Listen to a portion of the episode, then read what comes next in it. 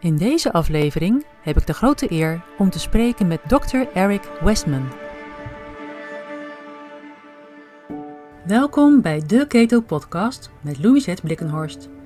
In deze podcast laten we geen onderwerp over het ketogeen dieet onbesproken, van ketogene leefstijl tot therapie, voor de leek, de ervaringsdeskundige en de professional. De ene keer houden we het eenvoudig en praktisch en een andere keer duiken we er diep in. Je hoort steeds weer iets nieuws in de Keto Podcast.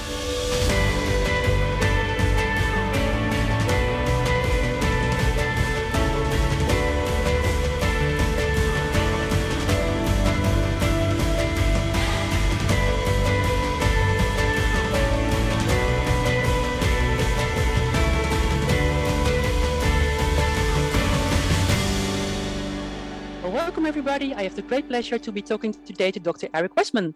Let me just introduce him. He's an associate professor of medicine at Duke University.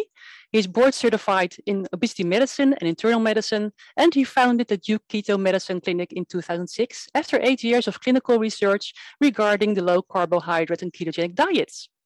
And he um, did not make this up, up himself. He was a, a, a student of Dr. Uh, Atkins, Dr. Westman has written several best-selling books, and he's the co-author of the uh, book "End Your uh, Carb Confusion," he a book he wrote together with Amy Berger, and he's the co-founder of Adapt Your Life, where he educates people on a healthy low-carb diet.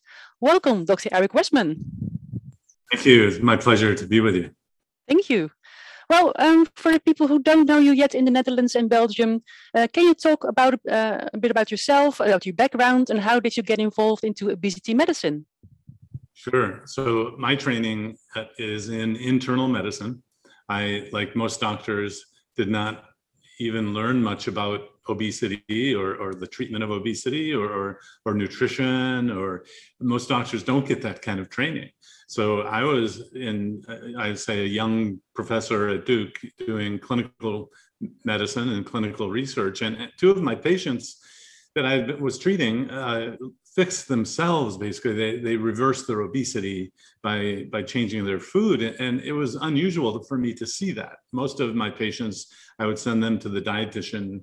The dietitian would use what was known as the low low fat diet and it you know fixed everybody right? I mean it was one size fits all and it didn't fix my patients. I mean my patients would come back and they didn't lose weight even though i tried to refer them to the proper sources. And this was within the veterans affairs hospital, which is like a big um, uh, health program for veterans of U.S. wars. Uh, so um, it, it's a friendly kind of practice to be in. I, I wasn't there to, as a private practitioner, I, I, uh, trying to to make money. I, was trying to honestly help people and and also learn about clinical research. So I asked one of the the patients what did you do? And he kind of looked me in the eye and, and he said, all I did is eat steak and eggs. And he, yeah, if you can imagine kind of a, an old gnarly veteran of a war, you know, all I did is eat steak and eggs. he clearly yeah. wanted to shock me, you know,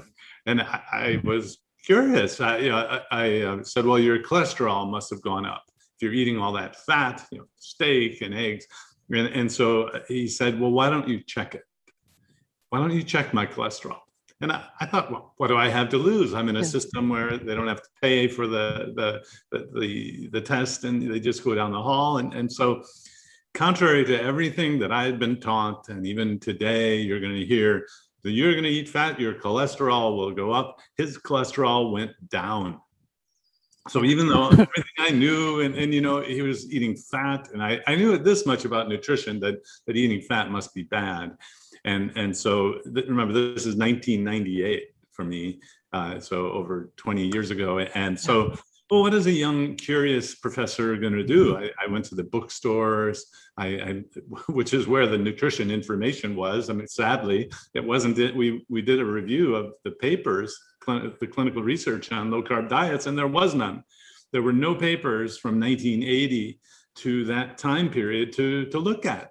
It was really kind of shocking. I wondered, you know, if everyone knows that it's bad, there must be papers showing that it's bad. Well, there weren't any. There were, yeah, there weren't any showing that it was good either. I mean, to be fair, yeah. but but if you don't have studies about it, I knew enough as a researcher, you don't know the answer if you don't have studies. And so I thought, well, this is an open area to start researching. And at the bookstore, the, eh, eh, in 1998, most of the books were low fat books on the bookshelf. And, but there were a couple, there was the Atkins book and, and then the protein power book. And I thought, well, you know, I'm going to be doctor to doctor. I want to go visit a doctor who's actually using it. So Dr. Eades, uh, Mike and Mary Dan, who wrote Protein Power, had a clinical practice, but by that time they had retired. So I thought, well, that's of no use to me. I want to find a doctor who's in practice. It was yeah. Dr. Atkins was still in practice in 1998. So I wrote him a letter. He, he calls me back on the phone, you know, saying, what, what do you want? And I said, well, you know, I had a couple patients who followed your diet and, and they lost weight. He kind of laughed saying, yeah. So, you know, and I'm like, well, yeah. where's the research? Where, where, and he said, it's all in my book. And I, I said, well, that's not good enough. I, there are a couple anecdotes and there, you know, it's a description. And, and, you know, I have to say there was a lot of doctor bashing in the Atkins books, which I don't like, and it's not yeah. in any of our books. But, but um, I said, well, you know, I'm sorry uh, that respectfully, that's not enough. And he said, well, why would I want to do research? Because I know what the results will be. I've been doing it 30 years. I thought he either had a point or he was a you know a good liar, a good charlatan. And um, and I said, well, nobody else believes you, even though you know it. You know, I've been talking to other people, and, and they don't believe you. They think you're a quack, and they they think you know what you do isn't working. And so he broke the ice, and, and it's something that I say even today to doctors that I meet and, uh, and when I'm speaking. He said, "Why don't you come to my clinic?" why don't you come to my clinic in New York City and see what we do? And the brilliance of that is that there are, you know, 20 different reasons not to visit them, 20 different reasons not to believe that a high fat diet will lead to weight loss, 20 different reasons that a high fat diet wouldn't improve high blood pressure and reverse diabetes. And so uh, I, I, don't know if he was trying to get me off the phone or whatever, but but I said, okay, I'll come visit your office. And so in, in, that trip, I got to sit in the office of Dr. Atkins and Jackie Eberstein, who turns out to be the nurse kind of brains part of the program who helped develop the clinical programs there. And I came back and, and uh, said, fund us give us money we'll do research back at duke university and and so he studied or he funded that first study which was actually kind of a, a, a, problem when I was trying to get it published, because one of the reviewers, yeah. one of the reviewers said, "We're not used to looking at papers funded by a doctor," you know. Yeah. But but who's going to fund it? I mean, even today, there there's no major university or or governmental program looking at keto diets for obesity and diabetes. You know, 20 oh, right. years later. So uh, and the reality is that a big company, Virta Health, has done the best diabetes study to date. So, so anyway, um, I, I, was skeptical meeting Dr. Atkins, and, and, by the time we did our second study, which was a randomized trial, which really kind of created that Atkins craze of 2003. If you remember back to that time, and a lot of my medical students and residents will say, "Yeah, my parents were doing this kind of low carb thing. Yeah. And I said, what year was that? He said, well, that was about 2003, 2004. And so the science was coming up like this. And, and the science looked really good. And then boom, Dr. Atkins dies. Yeah. And, you know, the, the political damage it did to the science was overwhelming. I mean, and, and you know, now clearly through the last couple of years, you see how science and politics and socio- sociology and all get mixed together. And you can have science and nobody believes it, or they think there's different science. Anyway, so um, sadly, while the research is going up like this, the whole Atkins idea and concept went down. We continued to do our, our research studies. We, we never really used the term Atkins in our, and we use low carbohydrate ketogenic as the scientific description of what we do. In fact, I remember one uh, reviewer said, why don't you put Atkins diet in the title of the paper? And I said, I don't want to. I mean, that, that would be promotional. You know, as a, a scientist, I, I, still don't think you should put the results of your paper in the title of the paper. To me, that's a tip off that these weren't really, you know, independent impartial scientists. They they really wanted to just find something and then they can market it in the title of their paper. so um, when you submit to the highest level journals, they don't let you put the the answer or what you believe the results showed, you know, in the title of a paper. And so that was that was my training, and we've adhered to that. Um, but so the research dries up. The Atkins uh, passes away. They create a foundation to fund more science, and then that that the the economy went down, and they stopped funding people. Uh, although they funded eight different professors at United States universities. So there are eight professorships yeah. under the name of Robert C. and Veronica Atkins. And, and so they endowed professor, and to my knowledge, no other professor has ever studied the Atkins diet. In fact, some universities say we are so impartial to funding, we, won't let the Atkins professor study the Atkins diet, which is kind of crazy. But um, uh, the uh, for me personally, the research money was drying up. But then, you know, I, I had done kind of the equivalent of the FDA approval studies for the low carb diet. You know, there's no process to approve a drug at the Food and Drug a, a diet at the Food and Drug Administration. It's all about drugs.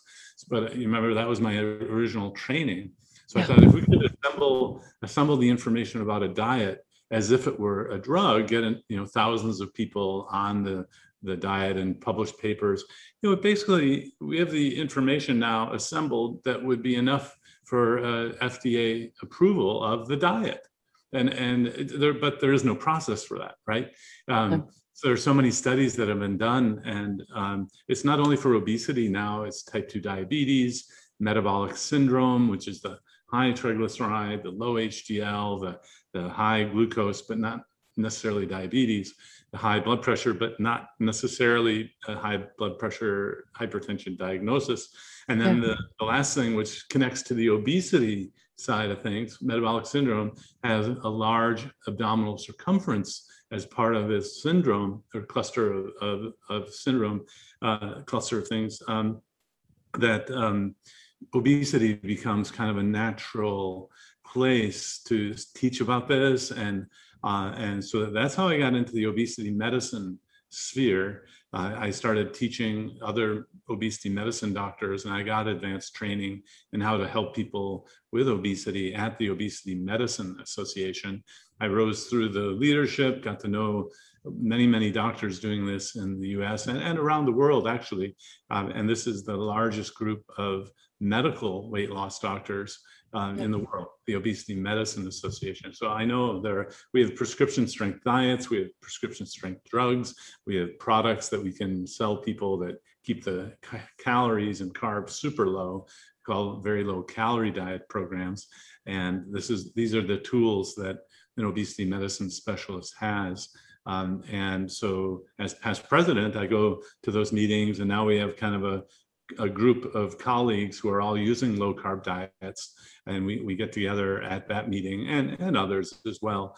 But um, it's really been gratifying to see that grow from you know from dr atkins uh, dr atkins really never had the um, looking back never had a, a training program. No. i you know the way it was explained to me is no one ever asked.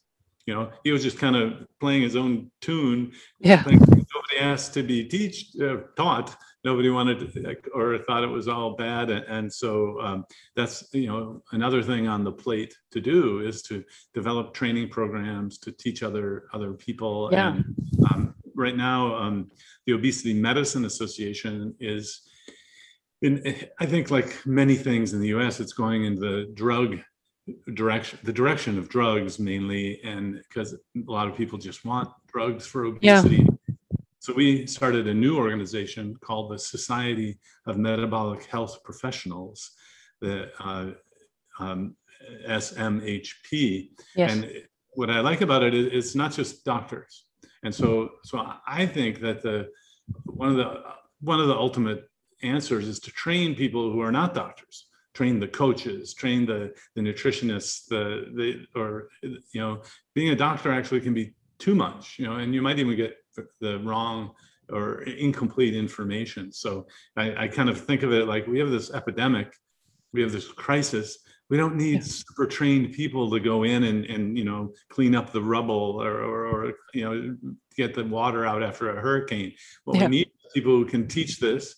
Um, and there's, so I think there's a big role for teaching and developing more uh, teaching programs, but just be careful. This is prescription strength. So Yeah. that if someone's on medications, they need to be uh, monitored by someone who understands how powerful the diet can be. I took someone off 180 units of insulin treating for diabetes in one day Yeah. because this person was drinking so much sugar in the drinks that basically the insulin was covering the sugar in the drinks. Um, and um, now my world record is, or my personal record is I took someone off 600 units of insulin in three weeks. In fact, she Wow. did it on her own because I taught her how to deprescribe. And as the blood sugars are coming down, you cut back on the insulin. And so just beware that you can have dramatic effects. I, I haven't counted it Yeah. formally, but I, I've taken people off 10 medicines uh, just by changing the food. And it doesn't happen Amazing. overnight Yeah. doesn't happen overnight, but it's very powerful. And the only time I worry if someone on the internet, you know, is is learning and doing it is someone is on diabetes or high blood pressure medicines. You just need to be careful that this is this isn't your Weight Watchers uh, low fat diet. This is a extremely powerful Yeah. prescription strength kind of Yeah. program. But but so that's how I got from the two patients in front of me, kind of curious, and now 20 years later, I'm 24 years later, I'm teaching this, um, and more and more people are. I, I thought by now that the whole problem would be gone. Honestly, I thought Yeah. studies, it's so obvious, and and yet you know you can do research, and then there's a big uh, area of of social, cultural, political world you have to penetrate through to get information to people. Yeah. But it, it's sugar that raises the blood sugar. It's sugar that raises the blood sugar and raising the insulin. And so this is effective for conditions of high blood sugar, glucose specifically, but that so diabetes, type 2 diabetes, pre-diabetes. It's also effective for obesity because it's that insulin internally that is the root cause or hormonal cause of obesity for just about everyone today. Yes, exactly. Yeah. Well, I, really feel that you're saying we have to we have to teach other doctors and other people as well to to, do this for themselves or to uh, teach it to coaches or uh, um, health professionals to to work with this. Uh, and it's such a shame that um, also doctors uh, haven't been taught about uh, about this diet uh, or about nutrition at all, or, or the power of nutrition for for health, and they don't um, even know about nutrition that it can be an option in turning around illnesses. Uh, you are at uh, Duke's University, uh, a very academic environment. Um, do you get criticized there for, for your opinions, for your way of, of thinking, working? No, I, I think um, because I have the science published about what I'm doing, at least nobody gives me a hard time to my face. um, you know, I'm in a clinical practice uh, still four out of five days a week.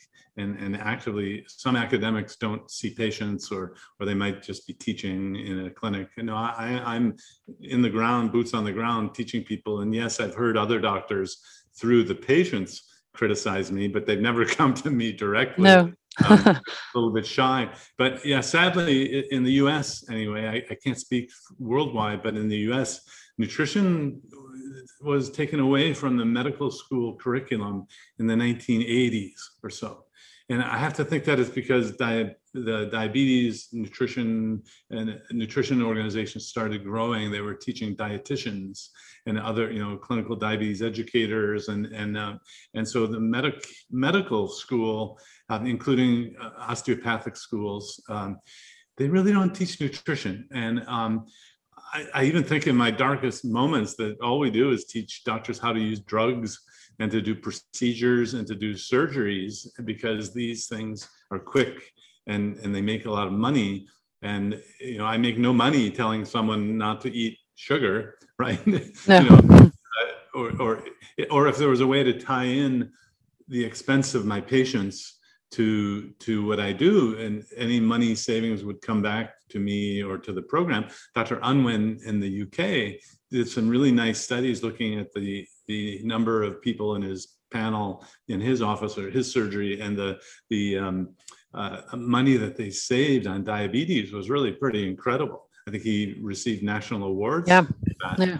And I guess I think maybe being a smaller country than the U.S., uh, we have a lot more um, uh, noise and pharmaceutical companies and uh, and um, and the diet world really is so noisy. People come to yeah. me saying, "I don't know what to believe." You know, people say this works, that works, and so I think yeah. the fundamental principle is you need to have a nutritional profile that keeps the insulin low however you can do it so, so you know you can do it eating meat you can do it not eating meat to me that's kind of a false choice there's so many yeah. different ways to do it uh, and um, the teaching of other other people i think is really needed now uh, because there still is a lot of pushback and and um, even i'm getting exploring the addiction side of things. And there are, I believe, a subset of people are truly addicted to not only sugar, but to the, the carbohydrates in the bread, the carbohydrate pasta.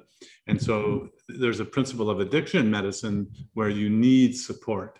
You know, you don't just go and stop your heroin or cocaine, you know, on your own. You, you do it in or, or alcohol. You do it in a group.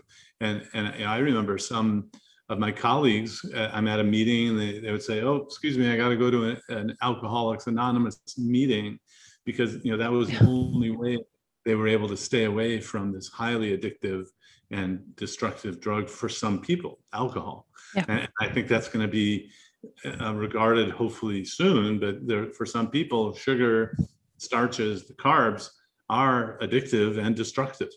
Yeah. So they need to have total abstinence or, or avoidance of that substance. Definitely. I'm very glad you, you just spoke about your, your cl clinical background and you're actually working in a clinical practice uh, and you're a doctor, you're working in a university, because I, uh, I noticed here in the Netherlands that um, keto is, is a bit of a, the wisdom of the crowds. There's, there's people doing it, getting better, uh, losing weight, uh, um, uh, turning around the diabetes, uh, dropping their, their high blood pressure, or getting healthier overall. And then they go to their doctor, their dietitian, and the doctor says, You're doing keto? That's dangerous. Uh, stop doing that. Um, well, they're having great result, result results. And uh, somehow the, the medical practice seems to think that keto is still dangerous. They, they uh, instantly think about ketoacidosis. Um, and there's such a big gap between the medical practice and, and what the people want and have experienced already. And that's what I'm, for me here in the Netherlands, um, I, I hope to, to, to close that, that, that, that gap and yeah. make, make the, the dietitian and the doctor see that this is a very powerful way of treating all kinds of illnesses. There's no drug in the world that has the same effect as a ketogenic diet or a low carb diet. I agree. It, yeah. More, more, powerful than 10 drugs in, in, some individuals. Well, the wisdom of the masses, the wisdom of the crowds, the in fact, you look at the, the history of medical science and medical care, many things come from observing what happens in people first. Yeah. And then they, the people go back to the research uh, clinic or the research lab and try to figure out why it works and all that. Yeah. And, and so the low carb diet has been around since the 1860s. And I, I find textbooks in the 1920s in, in English say the low carb diet is what you use to treat diabetes yep. and obesity. So it was well known, and um, that gives me some comfort. Although you know they didn't study things as, as yeah. well as we did, and but um, the idea of the um, the idea of using these drugs uh, for, for example, for uh, for um, erectile dysfunction uh, very common, very popularly used, actually came from observing people in a yeah. clinical trial for an entirely different thing. So it didn't come from the research world on high saying, here we have a new drug. It was the clinical observation that something was getting better. I mean, that's yes, the, right. The idea of it's actually a field called clinical epidemiology.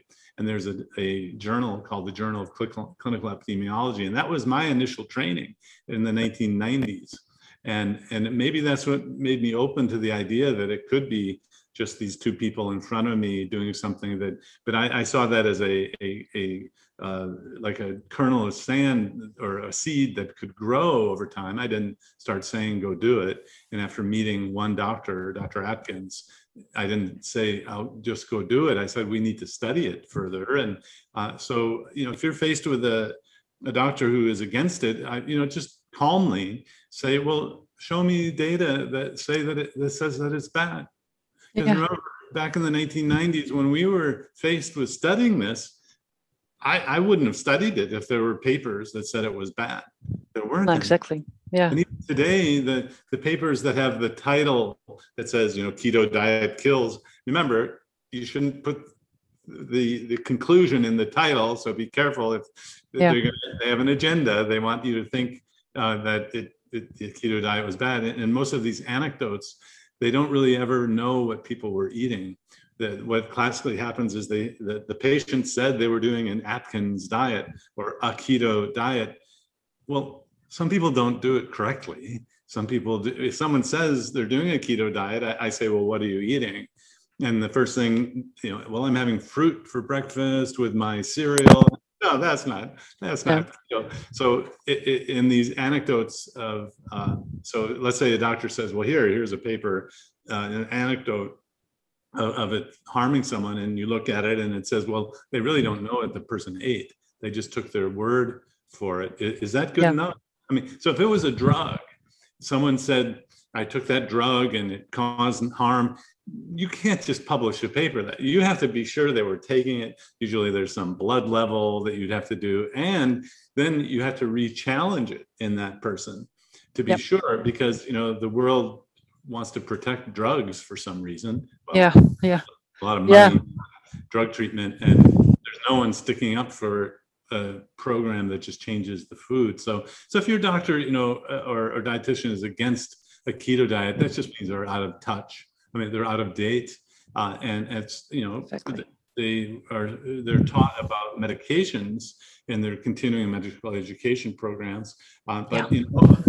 And it's not your it's not your job to train or teach your doctor, um, although many of my patients will do that. Yeah. They'll go back and, and uh, kind of rub their other doctor's nose in it uh, or, or just stop going to that other doctor. That happens a lot with endocrinologists because if the endocrinologist is treating them with diabetes medicine like insulin, and I take them off the insulin Yeah. and no longer have obesity, there's no need for them to go to that doctor anymore. No. Um, but, uh, you know, the metaphors that I get into kind of are like uh, doctors are trained in using phones with cords. You know that when they were, or when I was in training, we had touch tone phones with cords, and you know now I now I use a smartphone without a cord, and I can do a lot more.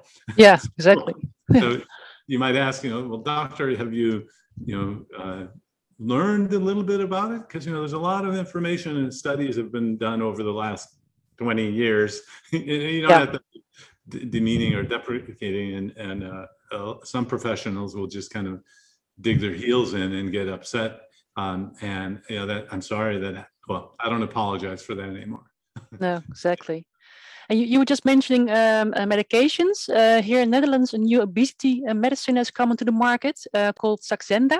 Don't know if you know that name, but I, I guess it's comparable to other other brands as well. What are your thoughts on these kinds of medicines? Are are they valuable or can they replace a diet? I think the medications for obesity treatment are, are useful. I mean, they've gone through FDA, so a formal process of, of vetting so that the risks and the benefits have been published. And I prefer to use diet, uh, uh, diet change because you don't need to purchase the drug, you don't have side effects of the drug. But honestly, there are a lot of people who just can't figure out how to change the diet and and so these medications can be helpful uh, there are some pills uh, and then now we have these shots saxenda is actually a shot that you give once a day but then there's another one that was released in the us where it's a shot once a week so but it, it's still a shot i mean and Yeah. unfortunately in the best hands in these research studies, about a third of people have side effects, you know, that they'll write, you know, I feel sick to my stomach and have some diarrhea and all that. And so is that really how you want to lose weight or and fix your metabolic syndrome or, or, or metabolic issue like diabetes? Why not eat great food? Yeah. You know, take the time to learn about it. But you know, there are a lot of people who won't take that time or don't think No. they have the time or or or there's a perception that doing it by food alone either doesn't work or it has to be difficult Yeah. because they only think of the low fat diet kind of method and you know the hallmark of a low carb or keto diet is the hunger goes away this is unlike any other kind of diet program that people do Yeah. uh, unless you're doing a, a physician supervised one. Most people get hungry get ornery and angry and they don't want to do it. So uh, but yeah the medications and even you know there's a role for weight loss surgery. You know there, there's some people who are so out of control that a program like what i teach it just Yeah. doesn't they can't wrap their head around it or they're such sugar addicts they can't get rid of the sugar. So they end up going to a doctor who makes their stomach this big literally. It, it's the the most Yeah, yeah. effective one the roux-en-y gastric bypass makes the stomach about as big as a hen's egg. And and so basically people can't eat much at, at one time. Yeah. and, um, and so they can lose massive amounts of weight. So the perspective on this is that in the first two years there's no question obesity surgery i- is the strongest. However if you go out 10 years a lot of people regain the weight it's a hard statistic to get to. It might even be 50% though. Half the people will regain you know almost all of their weight because nobody took the time they or they didn't take the time to learn what to eat. So Yeah. this- the surgery is just a short-term tool but you still have to learn lifestyle change and diet being the most important thing. I just want to end on i don't ask people to exercise at all. You don't need to exercise to get these great metabolic changes. It really is just 100% diet the program Yeah. that i teach And now um, I hear from people that, that they think the ketogenic diet is very complicated. They need to measure all kinds of, of, of stuff. Uh, they have to measure the ketones. What is what is the program that you teach? Is it also complicated or more um, accessible for people? Well, it, it depends who you learn from, right? Now there are 20 different, no, 50 different brands of keto diet. Some brands are are some people promoting it, you know. Uh, so the promoters I call kind of their they have their own brand. Some of them insist that you measure ketones because they well they sell the ketone monitor or Yeah. they have some affiliation with the ketone monitor companies. And the method that I teach is actually very simple and does not require monitoring. Um, and remember that method I uh, the method I teach really goes back to the 1860s, and it's really just keeping the carbs super low, eating real foods. I don't ask people to add in oils to their their drinks and and put butter on their steaks and all that. You want your fat to come from the fat on your body, not the fat in the food when you're uh, trying to reverse obesity or diabetes. So Yeah. A lot of the new new brands of keto will sell you products, make you think you have to buy ketone drinks and things like that. I want the ketones to come from your body fat, which they're that's really where it comes from uh, when you're doing this in with real food. Yeah. Uh, so it doesn't have to be complicated and difficult. Keep searching around, and and even then, it, you don't have to have forced fasting. Uh, if you're hungry, you should eat. In my my training, and uh, someone came to me recently and said, "Oh, that fasting was so hard, I, and you know, you have to do fasting with keto." I said, "No, no, that's just that's one kind of brand or, or variation on the theme, if you will. There are other ways to go about it where you don't have to do this fasting or medium chain triglyceride and coconut oil. You don't have to do all those things, No. but some of those programs work, which which goes to the, I guess, is a, a testimony to the robust nature of this kind of program. That if you keep the carbs really low, there are a lot of variations on on the theme uh, uh, that can be effective for people. Yeah. But it has to be simple and easy and sustainable to be sustainable, right? Yeah, exactly. Yeah. And uh, you're teaching this program, but you always uh, also wrote the book "End Your Carb Confusion." Um, that's also available here in Netherlands in, in English, but it's very accessible kind of English for for most uh, Dutch people as well. And I spotted on Twitter last week, there's a cookbook coming out. Yes, yes, I'm very excited about both. So, yeah. End Your Carb Confusion book, I, I asked uh, my friend uh, and colleague Amy Berger to help write it. So it's very accessible. She's a professional writer by by training and happens to be in the keto world. Has her own um, Tuit nutrition kind of keto, without the crazy byline. Yeah. And so we have kind of a similar philosophy.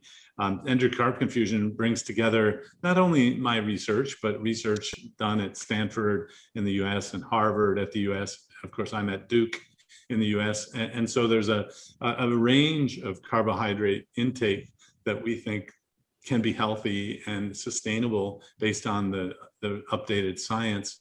In fact, the, the science I think is so strong, I decided not to put any references in it. And, no. and you, you, you, won't even see us uh, um, doctor bashing. You won't see us saying certain fats are bad. You won't see us doing all sort of these fringe things that really aren't necessary. We don't talk about measuring uh, much other than maybe a fistful of, of vegetables and leafy greens, you know. Um, yeah. Eating a cupful, you can use your fist as the proxy, you know. Um, yeah, yeah. So the, the book's been well received and I get a lot of great feedback. Uh, yeah. The readability, about the, the accessibility, the simple nature of the, the, the writing. Um, we do talk about how sugar affects the body the, this kind of blood sugar insulin roller coaster that can give you cravings and explain why that goes away so quickly. Um, and then we do sort of have a three phase or, or three carb level um, approach that you'll see in most of the low carb um, uh, books and, and, concepts throughout the years, actually. So yeah. that, that I, you don't have to be keto. That no, to me, no. time, although the, the latest science, and I, am really excited to go to the Metabolic Health Summit again this year. It's the fifth year that there there actually is new science about ketones and what they can do. And you know, in a few years, I might actually say it's best if you're in ketosis all day long, but I don't know that to be true yet. And that mm just have to understand I'm not one who's going to be an early adopter on things. I, I, am I need human level research and in you know more than one person, please. Yes. Um, yes. And yet, um, like that, learning from the masses of people doing it. If you have a thousand anecdotes of keto diets. I think it's worth paying attention to. And yeah, yeah. Of course, that's what I, I did 20 years ago. I looked on the internet and there were all these people with pre-post pictures about an Atkins diet, I thought, well, you know, it looks like it yeah. can work for weight loss, but is it safe? You know, so you always want to know, you always want to get um, a safety uh, estimate, and yeah. that really only can be done by systematic research, in, in, in my opinion.